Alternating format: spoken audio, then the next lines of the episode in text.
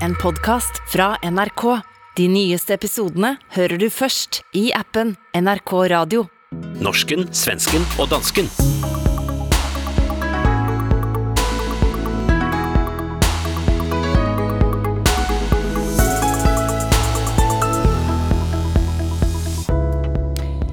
Fremmede droner kretser over Sverige i Norge gør en terrorist Hitlerhilsen i retssalen, mens dansk etterretningsskandale suser videre.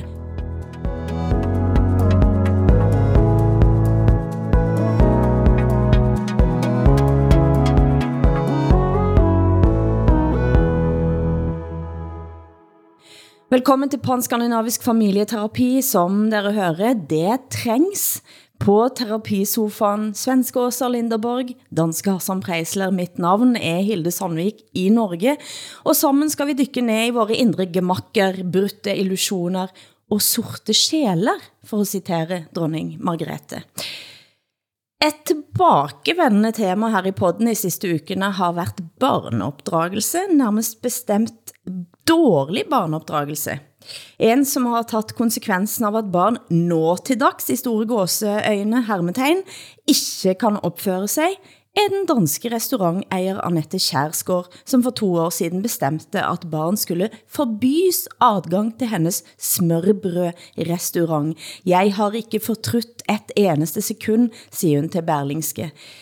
Eh, Hassan, er det i eh, poddens og vår stil, eller er dette at gå lidt for langt? Øh, ja, altså, jeg forstår fuldt ud af restaurantejeren, selvom jeg har børn, øh, som begge to er under 12 år. Altså, øh, når man ser på, hvordan børn får lov til at opføre sig i det offentlige rum, så tænker man, at... Øh, at det giver god mening, ikke?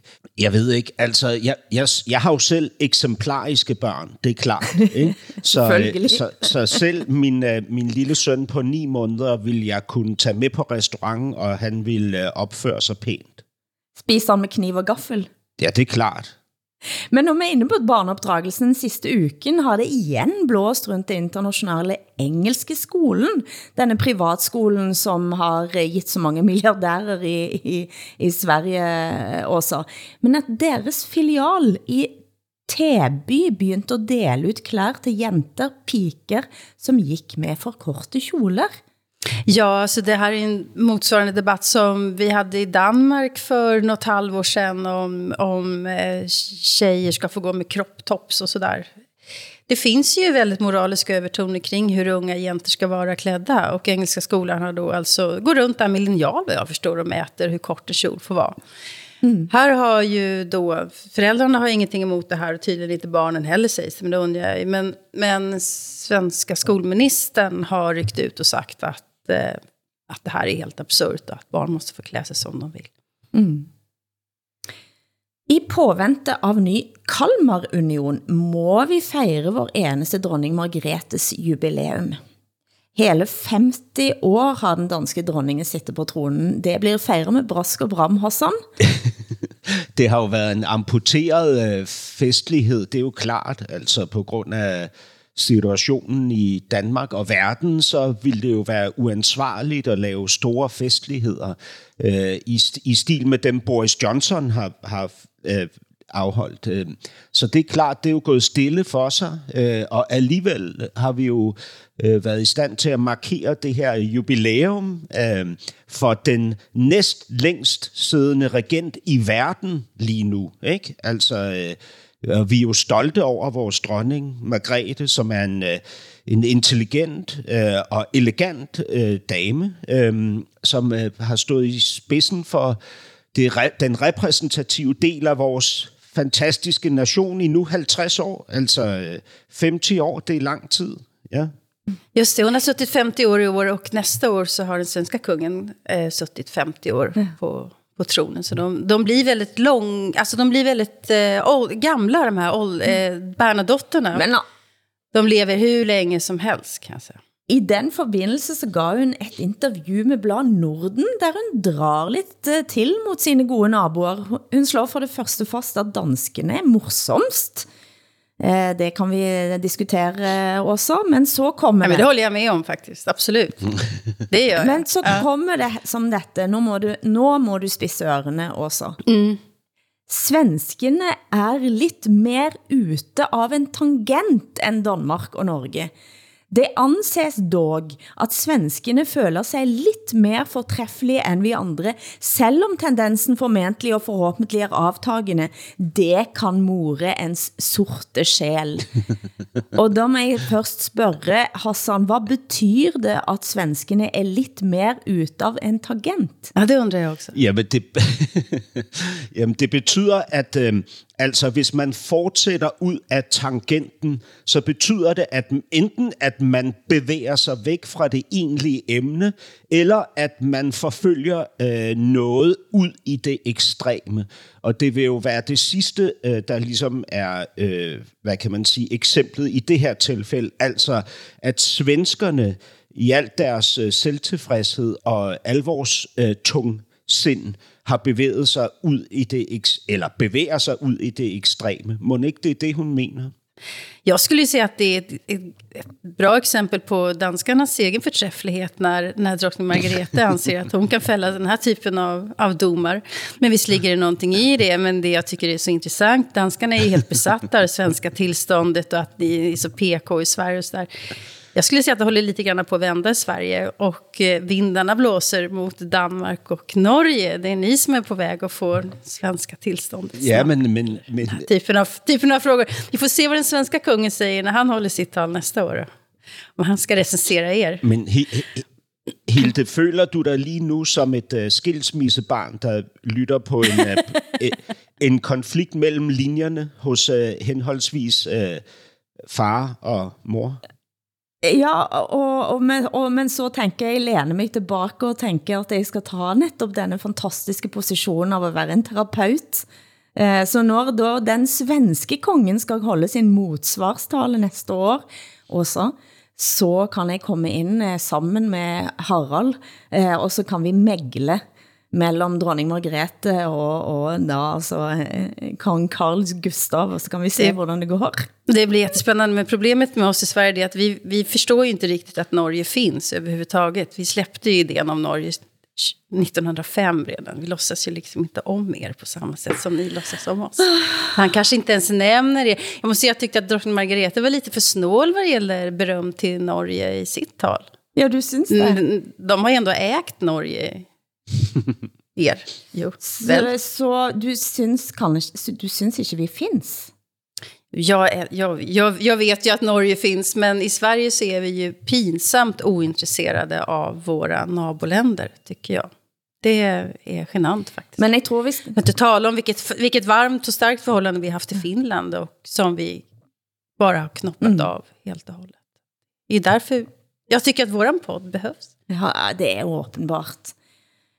Det er en bizarr sak fra Norge sidste uken. En av landets mest kendte kriminelle, David Toska, som blandt andet stod bak Norges historiens groveste bankran, Nokasrane, der blandt andet en politimand blev dræbt i skudveksling, har blitt inviteret ind i studio til Norske TV2 som sjakkekspert. Og det satte fyr på kommentarfeltene. Nogle umiddelbare tanker? Vil, hvad, hvad for en ekspert? En hvad ekspert? En sjakkekspert. Han blev inviteret ind. Nå, skak. Ja. Okay. Jag måste säga, schack, schack på svenska, det är, det, är också, det är också slang för knark. Så han är inte, det är inte en gammal rånare som är knarkexpert, utan han är expert på spelet schack, eller hur? Ja, skak-ekspert. Skack, heter skack på danska? Det hedder skak, ja. Skak. Øh, ch- chok er noget andet. Det er en forskrækkelse. Men det satte, ja, det satte i alla fall fyr på kommentarfeltene. Hvad tænker dere? För, först så tänkte jag så att det är så kul att, att Norge är så duktiga på schack. Ni är verkligen en stor schacknation, det är fantastiskt. Jag tänkte också Jamen, hvad skal man ellers lave i Norge? det finns mycket att lära sig. Nej men, nej, men så tänkte jag så här, det är typiskt eh, den här klickekonomin som vi lever i. Man ska ha kändisar till allting, det ska vara sensation och det ska vara snackisar. Och sen tänkte jag, men herregud, det här är förmodligen en människa som kan väldigt mycket om schack. Och sen så har jag läst på att i fängelset så lärde han sig spela schack. Han har blivit en duktig schackpedagog. Och vi, jag tycker väl att man ska ge människor en chans till. Det är min inställning. Han har suttit av sitt straff. Nu är han duktig på schack och han kan förklara schack i tv. Ska vi inte vara glada? Är inte det hoppfullt? Är inte Jo, det ett jeg- manande jeg- exempel faktiskt? Att det kan gå bra? Jeg tænkte det Om vi- som, øh, som du tænkte, Åsa, at øh, det er vel et, et eksempel på en, en form for reformation. Altså, øh, han har jo brugt tiden på at få andre interesser, øh, og, de interesse, og hvis han er dygtig til skak, øh, så er det vel vidunderligt, at han er TV2's nye skak-ekspert.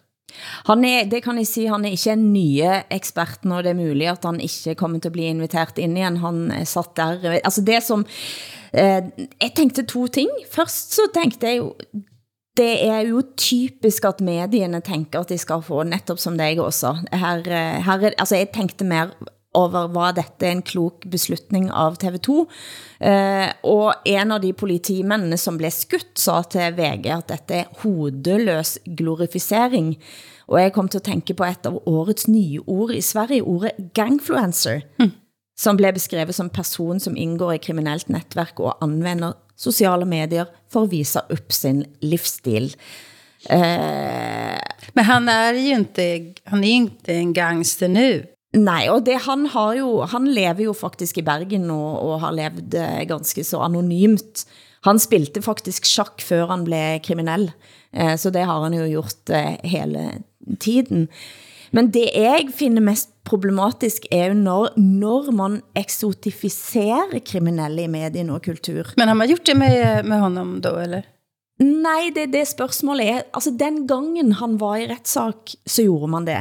Altså David Toska er jo en figur man har levet med, men jeg, men jeg har vel også kommet til at er ikke det en fin ting, eh, at man kan vise sig frem fra nogle andre sider og Jag tycker det är en solskenshistoria faktiskt. Att man kan göra ett sånt där brott, sitta av sitt straff, utbilda sig till IT-tekniker, bilda familj, leva ett normalt liv och vara expert på någonting. Eh, eh, och kunna förklara det för andra, nämligen schack. Det är väl det är hopp om livet ju. Ja, og hvis man skal dra det enda altså, vi kommer til at få et mye grellere eksempel på nogen, som prøver at være influencer eh, samme uke. Denne uken åbner norsk retsvæsen nok en gang dørene for Anders Bering Breivik. Han skulle nå få prøvd om det er tid for prøveløslatelse 10 år efter at han dræbte 77 personer 22. juli 2011. Ikke overraskende fremstår han like sjælløs, sjælløs, syk og hatefull nå, som han gjorde den gangen. Hvordan er dette omtalt i Sverige og Danmark? På samme måde, som du refererer det nu. Altså, at, øh, ja, altså at, at retssystemet be, øh, er jo til for at beskytte øh, øh, borgernes retssikkerhed. Ikke? Øh, og, øh, og hans retssikkerhed er, at han skal høres. Øh, det er klart. Øh, og det bliver han så. Øh, og man vurderer jo øh, ikke øh, med store komplikationer, at han skal blive siddende. Ikke? Det er jo klart og tydeligt for enhver tænker jeg også for de norske dommere.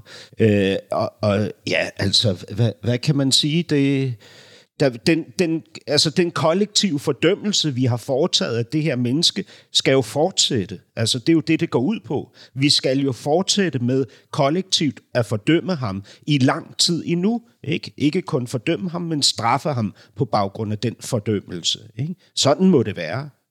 Jag funderar över när eh, Dagbladet i Norge sänder hans, hans tal, eh, hans litania, eh, hans gester helt okommenterat.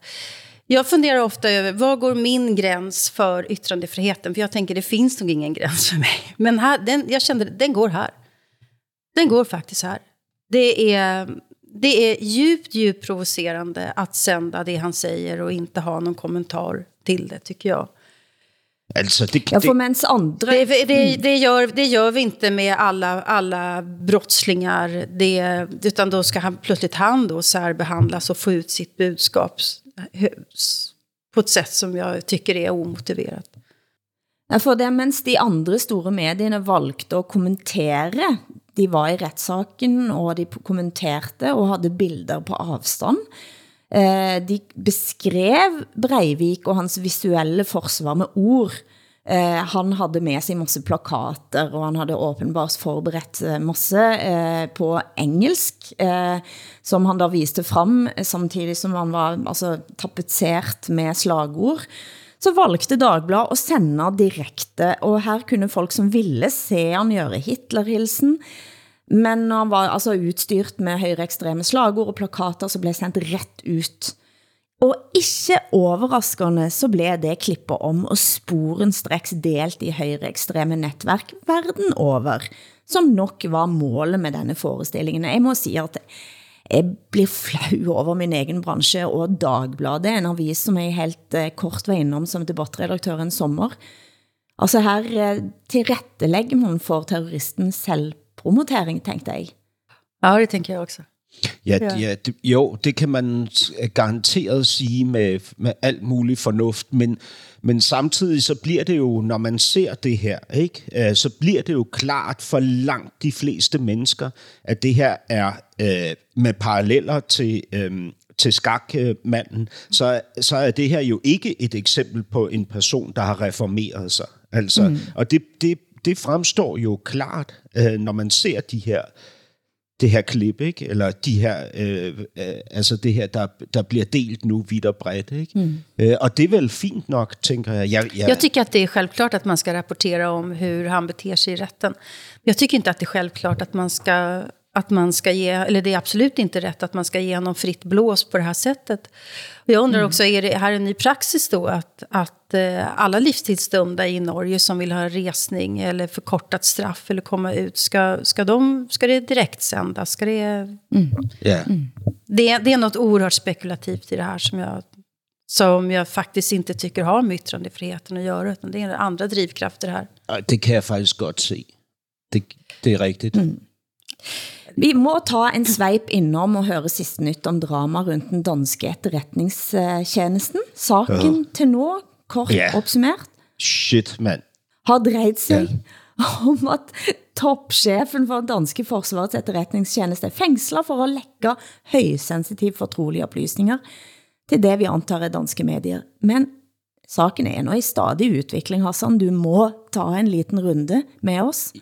Ja, Ja, altså, hvad, jamen det, det er jo en, altså det er jo en saga, som bliver øh, mere vanvittig øh, dag for dag. Ikke? Altså, jeg fortalte sidst om, hvordan øh, den fængslede øh, chef for efterretningstjenesten havde været udsat for et indbrud i sit hus, mens han var fængslet. Ikke? Altså et indbrud i et, i et hus hos en spionchef. Ikke? Det er jo i sig selv en vanvittig begivenhed, ikke? Øh, og, og når spionchefen så samtidig er fængslet, men det er jo ingenting, fordi i denne øh, uge kom det frem, at, øh, at Claus Hjort Frederiksen, vores tidligere forsvarsminister, nu også er anklaget for landsforræderi, altså for at have videregivet fortrolige oplysninger efter en meget hård paragraf, som kan give op til 12 års fængsel, hvis han bliver dømt. Øh, og det vil jo selvfølgelig kræve, at hans øh, parlamentariske immunitet bliver ophævet først, men det er jo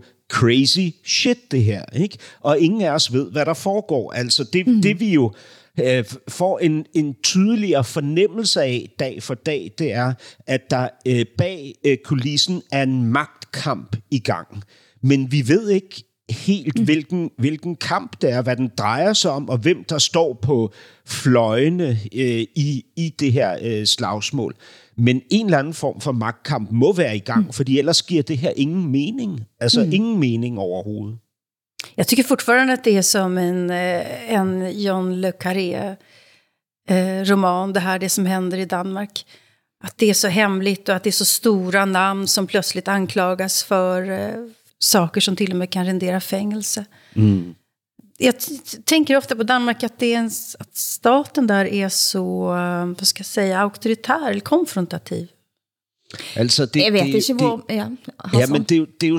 Altså, Altså det, det jeg personligt, helt personligt, inde i min, øh, hvad hedder det, hjerne, ikke, som vi jo øh, har masser af eksempler på, øh, kan udvikle sig vanvittigt konspiratorisk, helt klart, ikke? Men inde i min hjerne, der har jeg sådan en fornemmelse af, at der er en kulturrevolution i gang, ikke? At det nye socialdemokrati, med Mette Frederiksen i spidsen og Trine Bremsen som forsvarsminister er i gang med et internt opgør i de her øh, meget magtfulde tjenester, ikke? Øh, mm. og øh, i øvrigt også i forsvarsministeriet, ikke? at der er et magtopgør i gang ikke? mod nogle af de her øh, primært eller eller måske øh, ja, ja, hovedsageligt mænd, ikke, som har øh, siddet i de her magtfulde positioner på en bestemt måde. Ikke? Claus Hjort Frederiksen er jo øh, eksponent for det her, vil jeg sige, ikke? som en person, der har været godt inde i alt mm. det her gennem rigtig mange år. Ikke?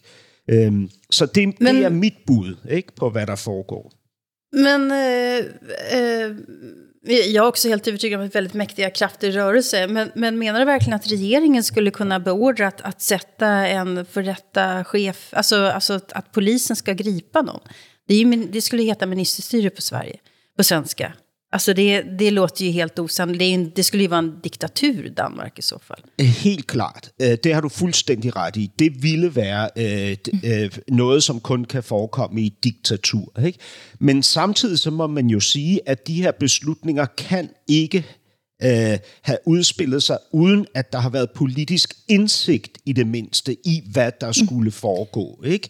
Øh, fordi det her Men, må komme ja. ind omkring de her magtfulde nævn, mm. som øh, skal vurdere øh, øh, tjenesterne og ministerierne. Ikke? Øh, det, det, det vil jeg sige, det vil jeg mene, det kan ikke øh, være øh, passeret uden viden og indsigt i, øh, hvad der skulle foregå. Ikke?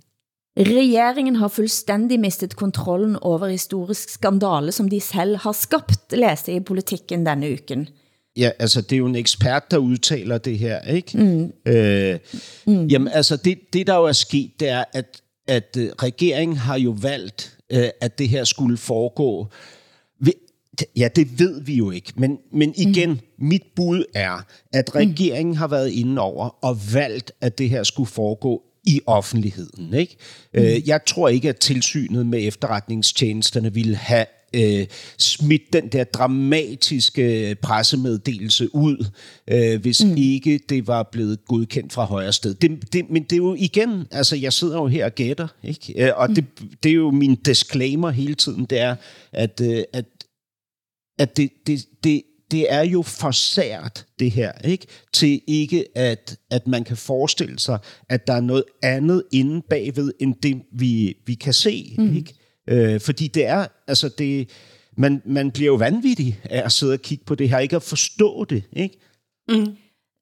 Og hvad, hvad mener eksperten? Eksperten mener, at regeringen øh, øh, har, har, promo, har promoveret den her sag, ikke? og nu er det løbet ud af hænderne på regeringen. Og så må man jo, ja, ja det, det er jo en, hvad kan man sige, en nådig uh, skildring af regeringens uh, indflydelse. En mindre nådig vil være, at regeringen har lavet det her løbe løbsk og er i fuld kontrol over det, der foregår. ikke? Mm. Men det du beskriver er jo en slags eh, hauke-situation ifra, ifra regeringen og fra magten. Altså alt med magt skal fælles med magt. Ja, ja jeg synes, at, at, det er, altså, at, at der er rigtig mange områder i Danmark, hvor vi ser, at der er en kulturrevolution i gang. Ikke? Jeg kan ikke helt gennemskue, hvorfor det sker lige nu, og hvad konsekvensen af det bliver, og så videre. Men jeg synes altså, øh, hvis vi ligesom inkluderer det her med, med efterretningstjenesterne og MeToo og, og de der woke-opgør, der foregår på kunstakademiet og, og filmskolen. Og, når, Men hænger de ihop verkligen? Jamen, nej, det, det hænger naturligvis ikke sammen rent praktisk, men måske hænger det sammen som tendens, ikke? Måske, altså... Uh, måske vil man, ryster, man, man ryster magten, det er det du egentlig siger. Man ryster, men man ryster magtpositionen og det som har været det bestående. Ja, at der, ja. Enten når man sitter på toppen i forsvarsministeriet, eller om man sitter altså på toppen på utdanningsinstitutionerne. Eh, blandt andet så, så vet vi nu, at eh, dommerstanden i saken mot Messerschmidt og Støjberg, som vi har snakket masse om, nu har kommet frem og fortalt om, eh, hvilke konsekvenser sakene har haft for de og deres familie. Ja, altså øh, det er øh, de dommer, som er involveret i nogle af de her meget markante politiske sager, oplever nu, at de på deres autoritet bliver udfordret. Ikke? At det bliver indikeret, at de har personlige eller politiske interesser, som gør, at de dømmer, som de gør. Ikke? Og det er jo faktisk... Øh, Jamen, det er jo faktisk øh, alle de store sager, som er i gang lige nu. Ikke? Det er sagen mod Messerschmidt, det er sagen mod Støjberg, men det er faktisk også den sag, vi taler om lige nu med efterretningstjenesterne, fordi der sidder også en en, øh, en landsdommer, Michael Kistrup, sidder han i, øh, i, øh, i tilsynet for, øh, med efterretningstjenesterne, og har udgivet den her pressemeddelelse. Ikke? Og, og, øh, og så, så det vil sige, selve dommerstanden, selve vores, vores retssystems øh, øh, struktur bliver også udfordret ikke? af en, ja, ja, hvad, hvad kan jeg kalde det andet end en kulturrevolution, ikke? som jeg oplever er i gang. Norsken, svensken og dansken med Hilde Sandvik, Åsa Linderborg og Hassan Preisler. Vi kom ikke utenom den økte spændingen mellem Sverige og Rusland sidste uken, med russiske eh, landgangsfartøj i Østersjøen. Eh, der er uidentificerede militære droner observert i nærheden av svenske atomkraftværk, som, som man selvfølgelig lurer på hvor kommer fra. Hvordan snakkes dette om i Sverige også? Eh, ja, alltså vi pratar om det hela tiden och medierna skriver inte i stort sett om någon någonting annat. Och i Sverige så tror man, eller tror medierna, att Ryssland ska ta Gotland. Eh, samtidigt som militära experter säger att Ryssland kommer inte att ta Gotland. Men eh, det är ju en väldig, vad ska man säga, det är vapenskrammel. Eh, och det är, jag är ju otroligt eh, förbannad kan jag säga på Putin för att han, vad han gör är att han föser svenskarna in i NATO med det här beteendet. Och svenska medier hjälper ju till med det naturligtvis. Det kom en undersökning häromdagen eller, som visar att, eh, att nu så är det för första gången fler som vill att vi ska gå med i NATO än att vi ska hålla oss utanför. Mm. Och den här typen av händelser eh, bygger ju upp de, de stämningarna. Och det är ingen hemlighet att jag tycker att Sverige ska vara alliansfritt. Så det är min, det är min syn på det här.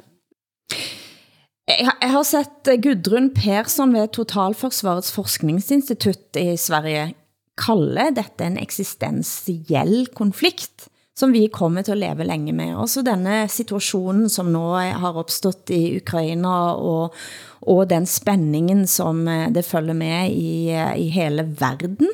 Eh, Johan Kronemann i Dagens Nyheter skrev da, at ja, det er en, eksistens, en, det er en eksistensiell konflikt, Eh, og fremførte i sin tekst det som på sätt og vis kunne se ut som et forsvar for Rusland.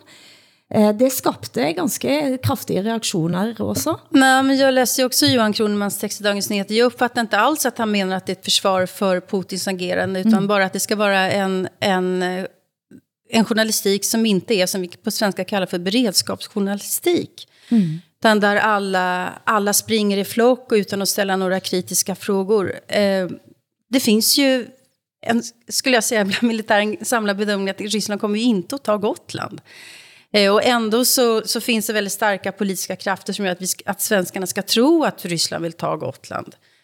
Och så piskas det upp NATO-stämningar. Eh, Ryssland har fullt upp med andra, andra områden i världen. Eh, de har fullt upp bara att hantera Krim faktiskt. Jag tror inte att de kommer att ta Ukraina heller.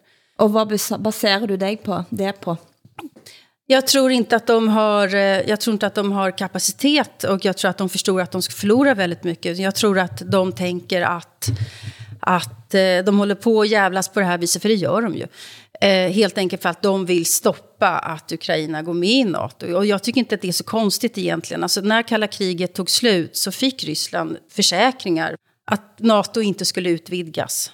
Och Ryssland hade bra relationer med NATO ända fram tills NATO tog in nya medlemmar. Jag kan förstå att de inte vill bli inringade av, av NATO-länder. Men det här motiverar ju inte att de beter sig så här heller.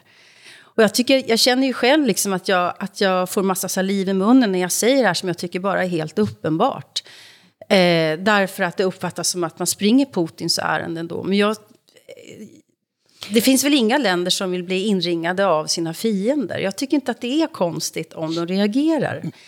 Eh, med det sagt så, så avskyr jag det som händer nu. Därf, därför att eh, jag vill inte ha den här typen av eh, militär upprustning, vapenskrammel, att man skrämmer folk, att man hotar folk. Eh, och att, att vi lägger så jäkla mycket resurser på, på vapen när pengar behöver gå till annat. Och när vi faktiskt behöver samarbeta i hela världen. Men, men, men det man ligesom kan sige er, øh, det, det slutresultat, der er kommet ud af de her øh, droneoverflyvninger, det er jo, at det svenske socialdemokrati har været ude og sige, vi skal ikke være medlem af NATO. Ikke? Så, øh, så hvis nu hvis nu man spekulerer i, at det var Putins øh, interesse at markere over for Sverige, at og hele verden, ikke? Øh, specielt NATO, at man ikke ønsker, at flere nationer, som har grænser op imod øh, Rusland, skal være medlemmer af NATO, så har man jo på en måde lykkedes ved, ja, bare, altså, ved, ved bare at flyve visst, fire droner ja. over øh, nogle atomkraftværker. Ja, ja men altså, det, er, det er ekstremt kontraproduktivt. Men det som, det som åbenbart er en, en sak, er jo at vi grænser, Norge deler grænse med, med Rusland. Mm. Eh, jeg la mærke til at Jonas Gahr Støre var ute og snakkede for første gang om hybride angreb. Eh, og, og jeg må indrømme at, eh, at jeg miste lidt nattesøvn eh, av den farlige situationen, som verden står i akkurat nu. Men, men det er jo også fordi din, din søn, Hilde, er udstationeret ikke, ved grænsen. Og ja, det... altså min søn er på grænsen, og jeg må indrømme, at jeg håber på vegne av min søn, men av alle 20-åringer i Ukraina, i hele områdene, i, i, hele, i hele den vestlige verden, for alles skyld, så håber jeg, at, at Jens Stoltenberg eh, faktisk eh, lægger bort jobbsøknaden til centralbankchefstillingen akkurat nu, og går all in på reelle forhandlinger. Eh, for i øjeblik, altså Rusland sa allerede i 2008, at eh, hvis eh, den røde eh, linjen blir krysset, Eh, så viker den ikke tilbage for militære angreb. Eh, og så har vi hele gassituationen, sant? Eh, rørledning eh, Nord Stream, som går igennem og ender på Bornholm, som vi har snakket om tidligere. Eh, det skal ikke så veldig mye til av Ja, altså konventionel krigføring er en ting, men en anden ting er, hvor enormt sårbare vi har, gjort os selv. Ja, gud, ja. Ja, det, ja, oh, det, ja. det tænker jeg er, er meget mere bekymrende. Oh, ikke? Det altså, med, med det her, med det, altså vi har, vi har jo simpelthen ikke noget strøm i Danmark lige nu. Ikke? Vores elpriser er, er steget til, ja, altså med, med 200-300 procent. Ikke? Altså, øh, der har ikke været vind nok. Øh, Tyra, vores øh, olieborplat, form af, af lagt i dvale i, i det meste af et år, ikke? Øhm, og nu kan vi ikke få... Og at, atomkraftværkerne i Tyskland er lukket, og nu kan vi ikke få gas fra Rusland heller, ikke? Mm. Det, er jo, det er jo bekymrende, altså mm. i virkeligheden langt mere end potentialet for en krig, ikke? Jeg må jo indrømme at her om dagen så kom der en nyhed i Norge om at internetkabelen til Svalbard var kuttet. Eh, og den ligger så djupt nede, at man ikke har været nede og sett det kan ha været eh, undersjøisk eh, rystelse, hvad som helst. Men min første indskytelse var selvfølgelig, er det sabotage? Altså det er det første jeg tænker. Men det är väl inget konstigt eh, att du tänker så. Vet du vad min första tanke är? Och då är det, finns det en kabel? Ja, det gör det. Alltså jag vet absolut ingenting. Det kan jag ju säga. Ni ska ju aldrig lyssna på mig när det gäller såna här frågor. För jag är totalt väck och rudis. Jeg forstår ingenting hur sånt der fungerer. Ja, det, det, det, ved vi, det, det ved vi her på den her podcast, øh, Åsa. Du er ikke et teknisk øh, geni. Hela Norden vet det. men, men du er jo et uh, politisk geni, Åsa. Derfor vil, vil, jeg, så jeg vil gerne stille dig et spørgsmål. Det, det er, fordi Nej, vi orker ikke. Jeg vil ikke. Jo, men her, her i Danmark, når vi ser på Sverige i relation til NATO, ikke? Mm. så tænker vi, at i Danmark er det jo kun den yderste venstrefløj, øh, tror jeg, i dag, som ikke ønsker Danmark som medlem af NATO.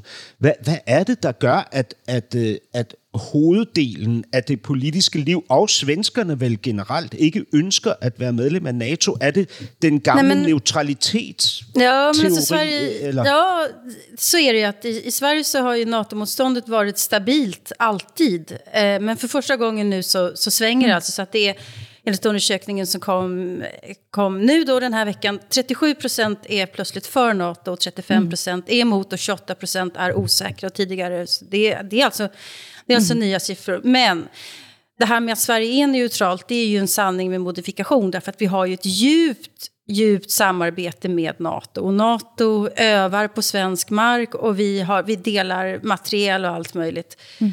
Så det är inte sant att vi, är, att vi är neutrala, utan Sverige är ju, är ju någon form av allierad, men vi behöver inte betala till NATO på det viset som andra mm. NATO-länder gör.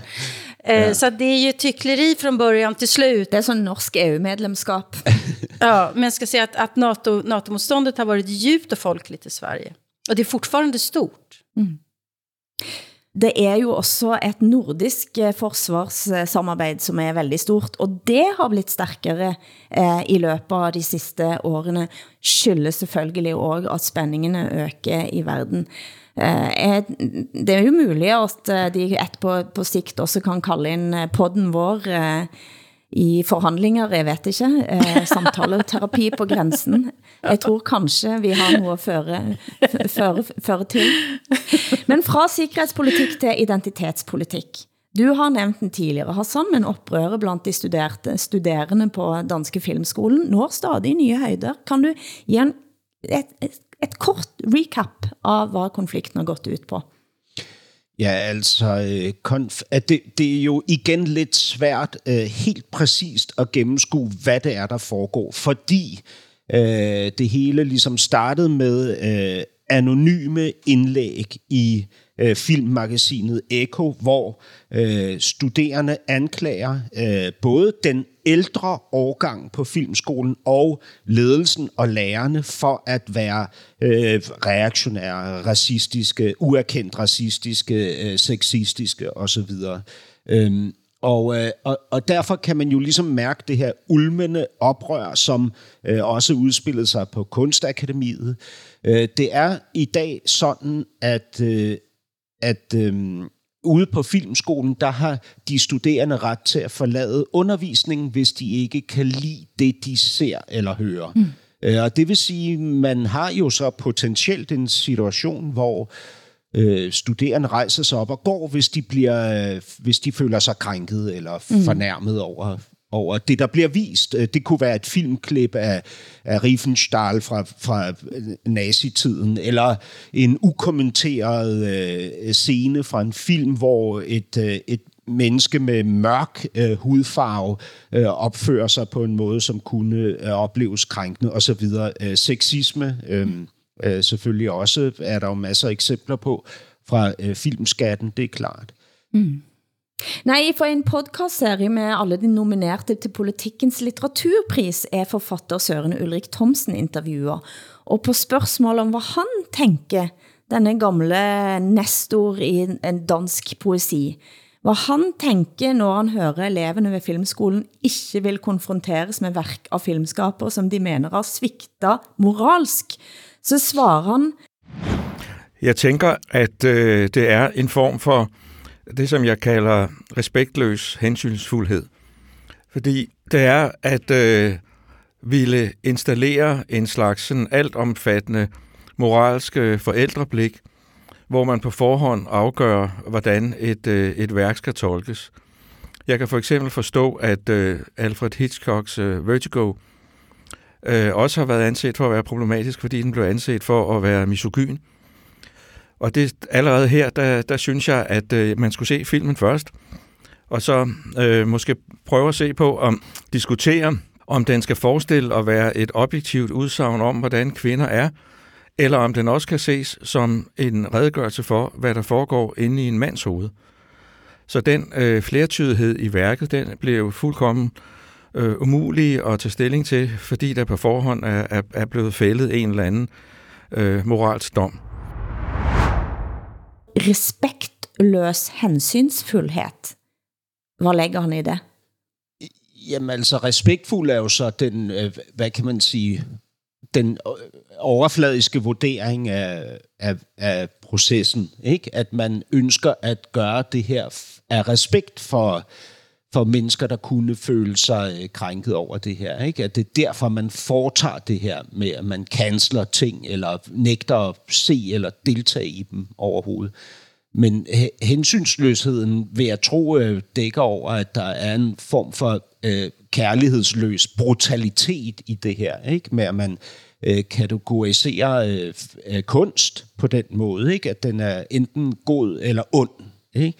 Øh, og det, det, er jo, det er jo den vilde mekanisme. Jeg vil sige, altså nu er det Jes Stein, der interviewer Søren Ulrik Thomsen. Man mærker jo, det er jo sjovt, at, at de her mænd, øh, gamle hvide mænd er de jo ikke, man mærker jo deres øh, frygtsomhed, når de sidder og taler sammen. De tør jo ikke at, at sige direkte i politikens podcast, at de synes, det er vanvid, det der udspiller sig.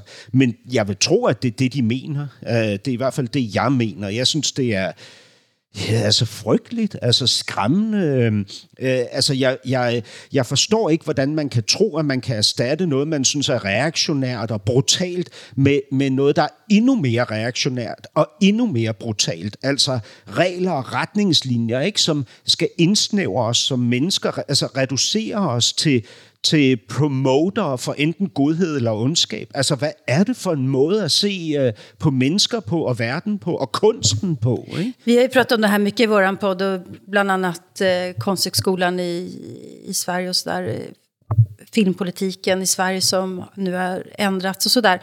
Det som gör mig så förbannad när jag hör rektorn för Danska filmskolan, eh, Tine Fischer, det är hennes antiintellektuella, in, antiintellektuella inställning att man har rätt att lämna undervisningen, alltså gå ifrån rummet, gå ut därifrån ifall man inte tycker att det här är någonting som man vill ha.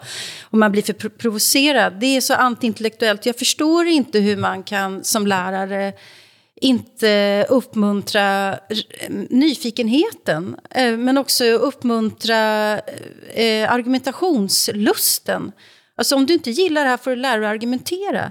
Det är en väldigt bekväm och enkel utväg att bara reagera känslomässigt och sen resa sig upp och gå och stänga dörren.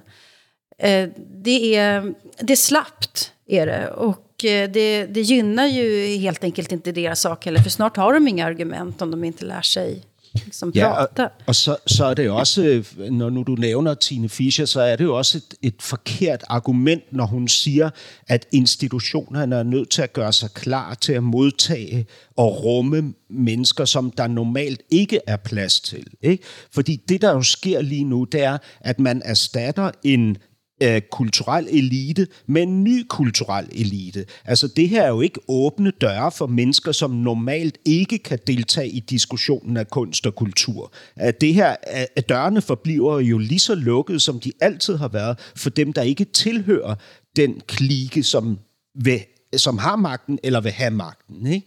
Øh, og, og det minder mig bare om det der gammeldags Øh, øh, øh, det, det, I kan huske øh, altså den marxistiske klassebevidsthed, ikke? hvor man ligesom talte om, at der var en falsk bevidsthed. Ikke? Altså det, det, man, det, man taler om nu for, på vegne af indvandrere, flygtninge, kvinder, øh, fattige osv., det er, at de har en falsk bevidsthed, ikke? hvis de ikke er en del af den her kulturrevolution. Ikke?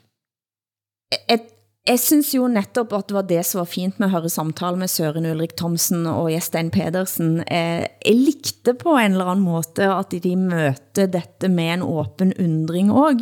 Eh, og Søren Ulrik Thomsen siger på et tidspunkt i den samtalen, at eh, men må det ikke være sådan? Altså de unge kan komme, sige noget, som aldrig før er sagt. Og så kan vi, som da er, ja, han siger, de er gamle hvite mænd, kunne sige, ja, men har dere tænkt på, at har dere tænkt på dette? Og jeg likte, jeg likte den, in, den indgangen til det, at ikke være så bastant, må jeg indrømme. Eh, fordi det er det bastante, som man kan bli lidt eh, skyggeredd av, eh, hvis man avviser alt totalt Eh, for da blir det heller ingen samtale. Men jeg hørte også programmet Åpen Bok på NRK P2 med NRKs kritiker Marta Norheim og Expressens Gunilla Brodrej. De snakker om svensk-samisk Ann-Helen Lestedius, som Lestedius, som har fått meget rosende kritikker i Sverige. Norheim var langt mer kritisk. Hun mener, hvis jeg forstår henne ret, at boken er overforklarende. Men så, mens de snakker om boken, så siger Brodrej at hun har det dårligt med, at hun som majoritetssvenske skal sige noget om minoritetslitteratur.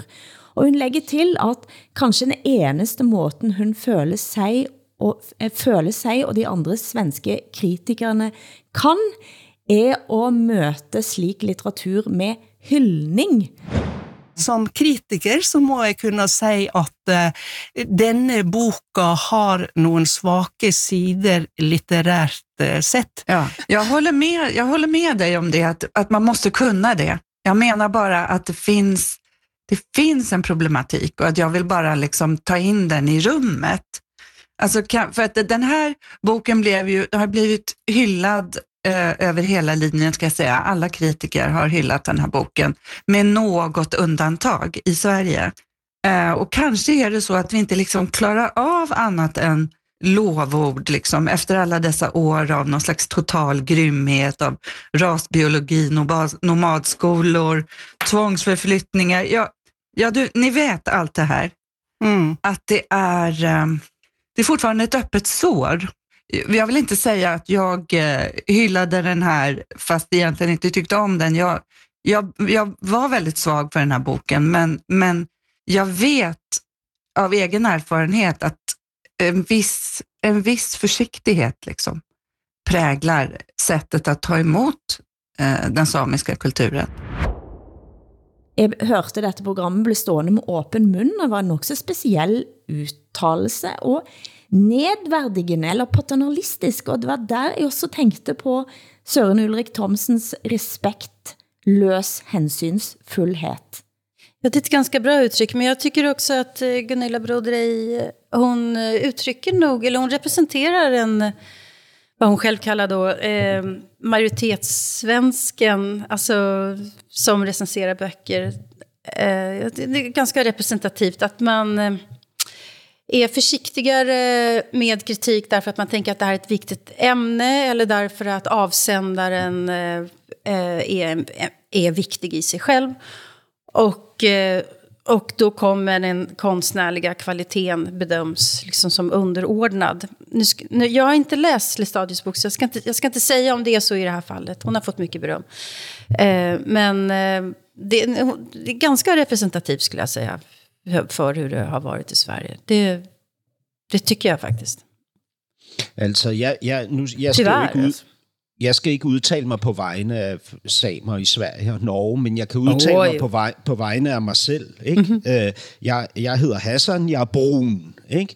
Hvis der var en, øh, en anmelder i Danmark, som øh, sagde, at han eller hun ikke ville anmelde mig øh, på grund af min eller sin hudfarve, så vil jeg blive så fortvivlet som noget. Ikke? Jeg vil opfatte det øh, som decideret racisme. Ikke? Fordi jeg synes jo netop, at kunst og kultur skal og må transcendere de der ting. Ikke? Og inden for øh, kunst og kultur, så giver de der begreber øh, majoritetsdansker og minoritetsdansker ikke nogen mening, fordi enten så er vi alle sammen minoriteter, altså individer, eller også så er vi alle sammen en del af majoriteten. Altså det findes ikke det andet, når vi taler om, øh, om livserfaring, øh, følelser og, øh, øh, og tilstanden, ikke? altså menneskelig tilstand. Jag måste ändå säga till eh, Gunilla Broders försvar här att, att hon, hon eh, vågar ju ändå säga att det nog kanske är så att Mm. Eh, att man blir extra försiktig därför att man är rädd att, att trampa någon minoritet på fötterna eller något sånt där. Och, och så det var ju ganska modigt, skulle mm. jag säga. Jag skulle ju vilja att den här debatten kom till Sverige också faktiskt. Men, men så er spørgsmålet jo, om man er bange for at komme til at træde på øh, minoriteten, eller om man er bange for fordømmelsen, hvis man kommer til at gøre noget, der kunne opfattes som en krænkelse. Exakt, precis så, precis så. Du hører norsken, svensken og dansken i SR, DR og NRK.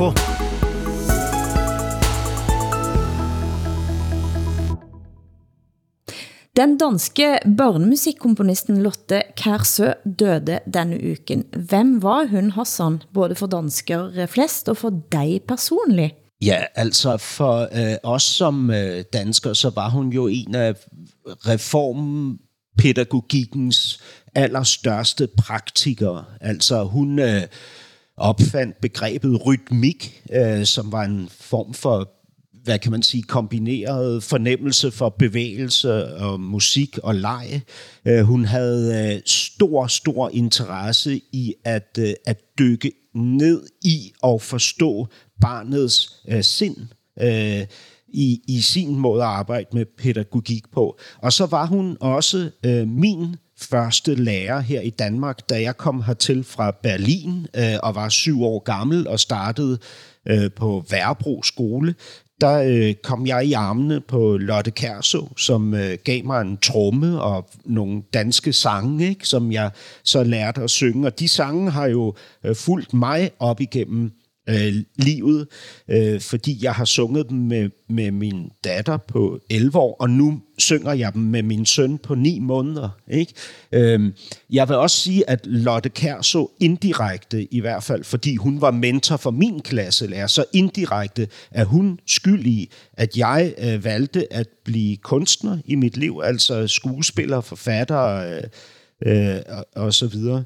Øh, og, og derfor så er det jo... Øh, hvad kan man sige, ja, altså det er jo, det er også, hun er også ikonet for en tid, som er, øh, som er passeret, ikke? Altså, du kan jo ikke tale reformpædagogik på den måde i dag, fordi den reformpædagogik jo også var ekstremt naiv og mangelfuld, ikke? Og, og også endte med at komme til at svigte øh, øh, børn, hvilket den absolut ikke ønskede, ikke? Men det er jo et ikon, der er faldet, og, og altså et, et stort savn, og jeg skal til hendes begravelse, og jeg ved, jeg kommer til at græde øh, uhemmet, ikke? Øhm, når, når, når hendes musik bliver spillet, hvilket den garanteret vil blive.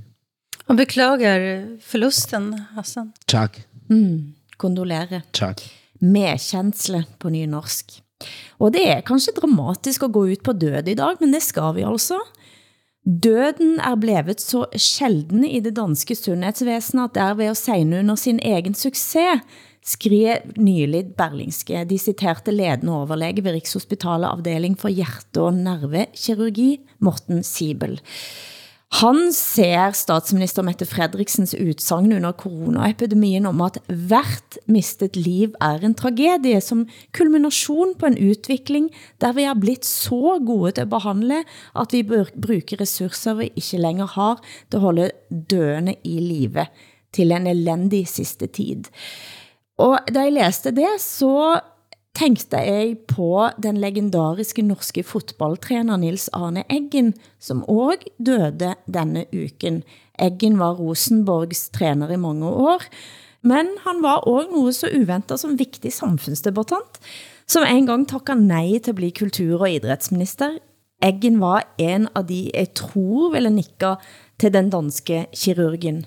For da han blev intervjuet av VG i pandemiens begyndelse, var 78-åringen i risikogruppen, men han sa, det er grejt at leve, men vi må ha noget at leve for også. Det sa den gamle lektoren og fodboldtræneren. Og da må vi ta med i beregningen at nogen dør, sa han. De som er i risikogruppen, som mig, ældre mennesker med en sygdom, det er virkeligheden. Det vil komme nye sygdommer, og det handler vi om at vi tar dem i tide, men vi kan ikke la samfundet stoppe helt op over tid av den grund. Vi må ta nogle chancer, ikke skyve alle afgørelser foran oss. Det var Nils Arne Eggens ord, som har levt tæt på død. Han mistet blandt andet også sin egen søn i selvmord, og holdt kanskje den stærkeste talen jeg har hørt om eh, det at leve og det at dø, og det at ha større angst for at leve end at dø. Ja, beklager Norge også. Ja, helt klart. Uh, men, men nu nævnte du jo den her klumme, som er skrevet uh, i samarbejde med hospitalspræsten Lotte mm. Blikker Mørk. Uh, og, og hun er jo en, uh, altså en virkelig, virkelig interessant uh, figur, fordi hun som præst på Rigshospitalet lever med døden hver eneste dag. Den er en, øh, en, en aktiv del af hendes, vel den primære del af hendes øh, virke, øh, kunne man forestille sig. Ikke? Og det hun jo adresserer, er jo ikke det, at vores hospitalsystem holder hånden under de svage. Det hun adresserer, det er, at statsministeren går ud og siger i starten af pandemien, at hver eneste mistede menneskeliv er en tragedie. Ikke? Øh, Øh, på den måde markerer hun ligesom øh, en ny tid, hvor det at, øh, at miste er noget, øh, man skal forhindre for enhver pris. Ikke? Mm. Øh, og det er interessant at høre den her hospitalspræst adressere netop det. Ikke? Vi må også ha noget at leve for, eh, som eh, Jan Eggen sa. Og jeg tror det blir sidste ord fra oss i det ukens norsken, svensken og dansken. Producent har været Henrik Hylland Ulving. Tak til Hassan Preisler i København, Åsa Linderborg i Stockholm. Jeg heter Hilde Sandvik i Bergen. Programmet er produceret av Broen XYZ for NRK, SR og DR, der redaktør for programmet er Ole Jan Larsen. Vi høres igen om en uke. Og det er alltid, altså selv om du blir 78 år, så de viktigste åra, vet du, det er dem vi ikke har levd. Nei, det er sånn. Og den innstillinga det med et fotballag òg, de viktigste kampene, det er dem du ikke har spilt. Ja. Du får se framover og oppover. Byen er stille,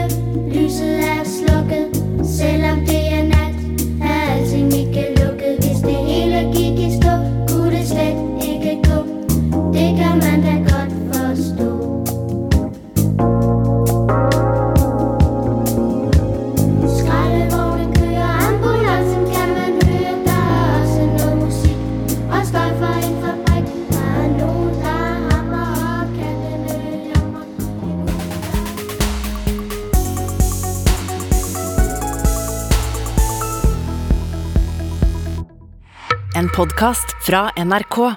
De nyeste episodene hører du først i appen NRK Radio.